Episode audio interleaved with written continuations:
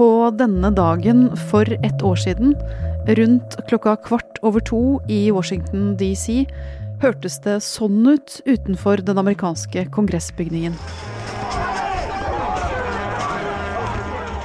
Og inne i gangene rett ved der kongressmedlemmene var samlet for å formelt bekrefte at Joe Biden var USAs neste president. They broke the glass. Everybody. Tusener av Trump-supportere stormet inn i den store, hvite bygningen i sentrum av Washington DC. Målet var å hindre valget fra å bli stjålet. Nå, ett år senere, er det roligere utenfor den amerikanske kongressbygningen. Likevel står 6. januar igjen som en mørk dag i amerikansk historie. Men har noe endret seg i løpet av året som er gått? Hvordan står det til med demokratiet i The Land of the Free? Dette er forklart fra Aftenposten. Jeg heter Marte Spurkland. Det er torsdag 6. januar.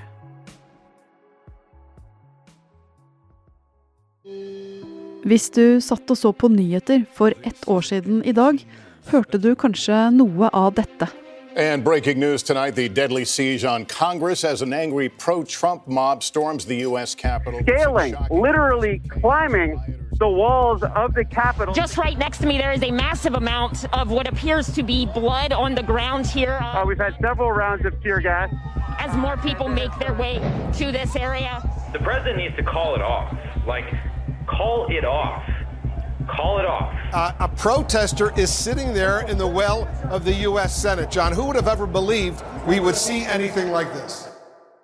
Jeg satt jo faktisk hjemme i min egen stue og så dette live, og jeg må innrømme at jeg eh, ble så eh, sjokkert over det jeg så at jeg rett og slett begynte å gråte, både av sorg og skrekk, tror jeg.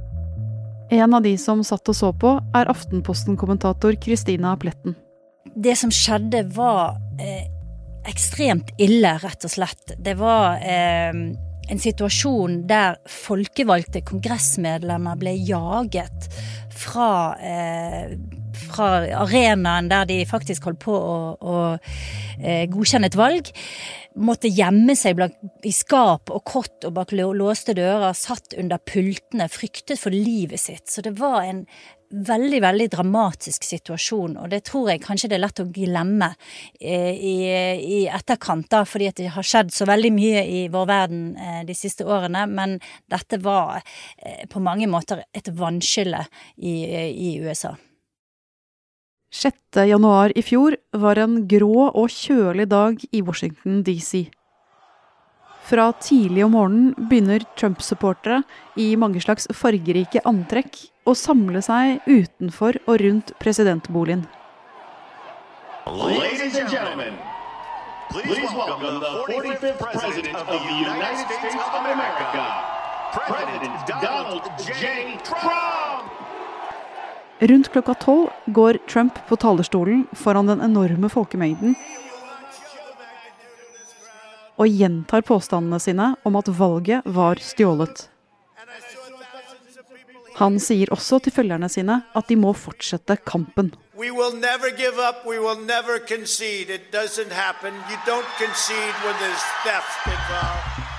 Eh, Trump sa til folkemengden at de skulle gå mot Kongressen og protestere der. I'm right behind you, sa han. Det var han jo slettes ikke. Men det førte i hvert fall til at tusenvis av mennesker bevegde seg eh, oppover eh, mot eh, Capitol Hill, der kongressbygningen ligger. Eh, etter hvert så ble trykket mot eh, sperringene så stort at de klarte å bryte seg forbi både gjerder og politier og eh, knuste vinduer og kom seg til slutt inn i selve bygningen.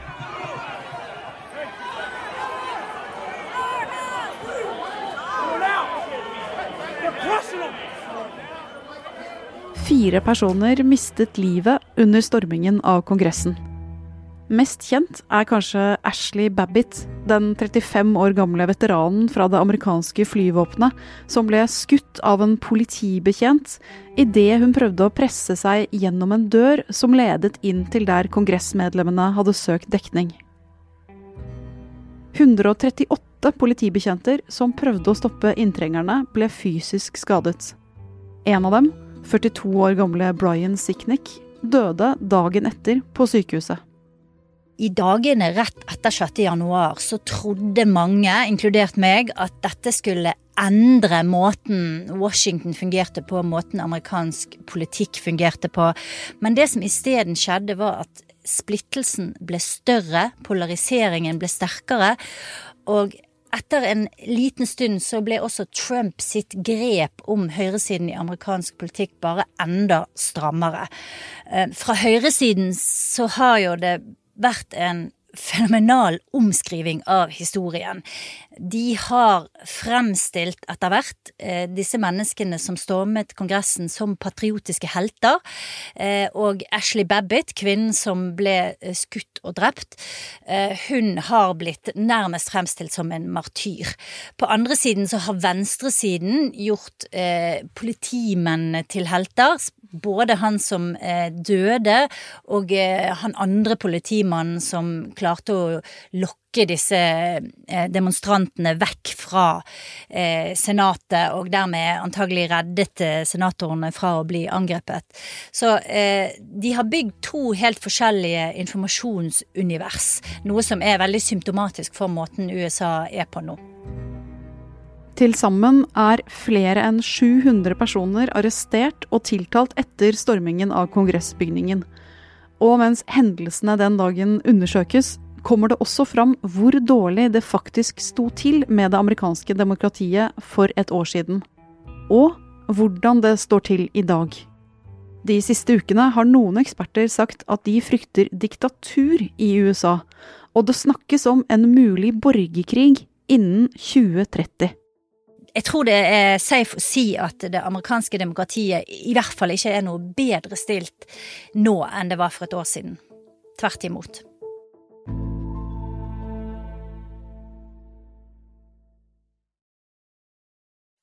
Kristina, i flere måneder nå så har det pågått en granskning rundt stormingen av Kongressen. Hva slags granskning er det? Det er en granskning som er satt i sving i Representantenes hus, eh, der eh, demokratene jo har eh, lederskapet. Det er satt ned en komité som skal prøve å komme til bunns i både hva som skjedde i forkant av stormingen av Kongressen, hva som skjedde under stormingen av Kongressen, og hvordan de forskjellige institusjonene som politiet, Forsvarsdepartementet, Nasjonalgarden osv. responderte når dette skjedde. Og hva er det viktigste som har kommet fram? Eh, det har allerede kommet frem en del ganske sjokkerende informasjon. Eh, blant annet så har vi fått vite at eh, mange tryglet president Donald Trump om å gripe inn, inkludert hans egen datter, eh, ankeret på Fox News, hans egen stabssjef osv. Eh, det som også er urovekkende, er at det har eh, vist seg å være en ganske sånn organisert eh, push for å forsøke å hindre Biden i å ta makten, og at den inkluderte eh, Trumps stabssjef Meadows. Den inkluderte personer i Justisdepartementet, og den inkluderte medlemmer av Kongressen. Granskningen har også avdekket flere detaljer om hva som skjedde i forkant av stormingen. Det var jo ukene egentlig fra eh, Joe Biden ble erklært som vinner av mediene til frem til 6. januar så bygget Trump og hans medhjelpere denne løgnen om at valget var stjålet. Og mens de forsøkte å selge det budskapet offentlig, så drev de også og presset mange deler av det amerikanske myndighetsapparatet eh, for å, bistå de i dette som jeg vil kalle et kuppforsøk. Da. Det inkluderte å eh, avsette sentrale personer eh, forsvarsministeren ble avsatt, justisministeren gikk av etter press. Eh, det inkluderte også å presse, forsøke å presse visepresident Mike Pence til å ikke eh, godkjenne valgresultatet. Det er han som til syvende og sist eh, signerer på at valgresultatet er riktig. Og en masse andre eh, grep som eh, man ikke vanligvis ser i et modent og utviklet demokrati, rett og slett. Dette hører liksom en bananrepublikk til. Ja, Du kalte dette for et kuppforsøk. Eh, hvor nært var det et faktisk kupp av den amerikanske nasjonen? Jeg tror at det faktisk var ganske nært. Eh, det har jo eh, mange mennesker eh, rundt Trump, og som satt i sentrale posisjoner, egentlig bekreftet i etterkant. Det som kanskje er det tydeligste tegnet på det, er frykten for at Trump hadde selv nøret opp uro gjennom denne løgnen som han spredde, og gjennom denne eh, demonstrasjonen som han skapte i Washington, og at han deretter hadde planer om å sende inn militæret og bruke unntakstilstand for å beholde makten. Det er et eh, klassisk grep som diktatorer bruker i kuppforsøk. Så er det også en rekke andre indikasjoner på at alle disse institusjonene som på en måte sikrer demokratiet. Og det er da domstolene, det er valgsystemet, ikke sant, eh, det er militæret. Eh, alle disse var under press fra Trump og hans eh, nærmeste medhjelpere. Og de forsøkte veldig aktivt å tvinge disse institusjonene til å bøye seg til Trumps vilje. Og det er her det kan bli virkelig skummelt. Mange av oss er jo vant til å tenke på USA som et demokratisk fyrtårn. Noen å se opp til. En supermakt som eksporterer Hollywood-filmer og Coca-Cola, og lover å bringe demokrati til land som Irak og Afghanistan. Men nå er ikke USA dette glansbildet av et samfunn lenger. Amerikanernes tillit til sitt eget lands politikere er på et historisk bunnivå, og meningsmålinger viser at mellom 20 og 30 millioner amerikanere fortsatt mener at Trump egentlig vant valget, og at det kan være riktig å bruke vold for å gjeninnsette ham. Kristina, hvor sårbart er det amerikanske demokratiet i dag? Jeg tror det er veldig sårbart, av flere grunner. Eh, det har egentlig haglet med varsler det siste året fra mange hold. Fra forskere, fra eh, generaler i militæret, eh, fra politikere osv. Vi ser at domstolene eh, blir mer og mer politisert. Hvis det fortsetter sånn, så eh, faller en veldig viktig vegg ut i dette her eh, byggverket som holder demokratiet på plass. Eh, så vi ser veldig mange tegn på at det går i feil retning. Eh, og det tror jeg uroer veldig mange amerikanere, og det burde det gjøre. Og så er det nok eh, også eh, grunn til å si at institusjonene fortsatt er veldig sterke i USA. Det vil ikke kollapse over natten, men det er en, eh, det er en tendens, en tydelig tendens, som er veldig urovekkende. For de som kommenterer denne situasjonen nå, de, de, ser jo ikke så veldig langt frem i tid heller, før de ser for seg at det amerikanske demokratiet kommer til å få store problemer. Nei, og i verste fall de som ser for seg den, den aller verste katastrofen, f.eks. etter valget i 2024, da, eh, de ser jo for seg at det f.eks. kan bli en konflikt i eh, kommandolinjene i militæret, der eh, deler av militæret ikke anerkjenner en valgt president som sin eh, commander in chief, f.eks. Eh, noen snakker om eh, tendenser til borgerkrig. Eh, alt dette her er veldig ekstreme ord, eh, og begreper som vi ikke eh, er vant til å knytte til USA og eh, det moderne amerikanske samfunnet. Men jeg tror likevel at det er nyttig å ha disse samtalene, fordi at det er viktig å snu det før det liksom går for langt. Og derfor så tror jeg at mange nå bruker sterke ord da, for å advare om hvor det kan ende opp hvis ikke man tar grep før det er for seint. Hva tror du skal til nå da for å styrke det amerikanske demokratiet? Jeg tror det er viktig at det amerikanske demokratiet nå blir reformert, og at man får ordentlige endringer. Det betyr bl.a. at man eh, setter grenser for hvem som kan påvirke politikere, hvem som kan gi penger, hvor mye penger de kan gi. Men det betyr også at de må modernisere måten eh, demokratiet fungerer på. Eh, de har jo et system som er veldig individbasert. ikke sant? Man stemmer direkte på enkeltpersoner, som gjør at disse enkeltpersonene blir veldig avhengige av disse store pengegiverne etc., etc.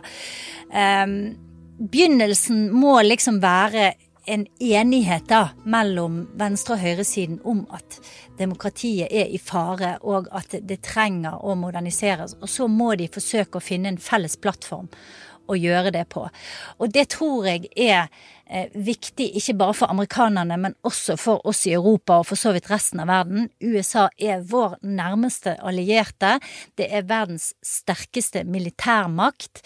Eh, det å skulle tenke seg at dette samfunnet på noen måte skal bryte sammen og ikke eh, fungere lenger som et demokrati, det er så skremmende for oss alle at jeg tror at vi må bare håpe på at de eh, finner en vei ut av dette her, og at 6. januar eh, fungerer eh, til slutt som vi håpet at det skulle gjøre, som en advarsel og en oppvekker om at eh, noe må endre seg, og noen må ta grep.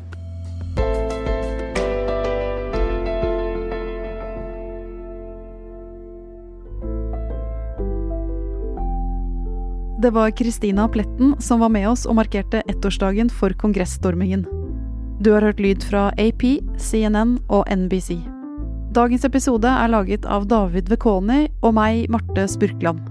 Resten av det lysende forklarte demokratiet er Fride Næss Nonstad, Anne Lindholm, Synne Søhol og Anders Weberg.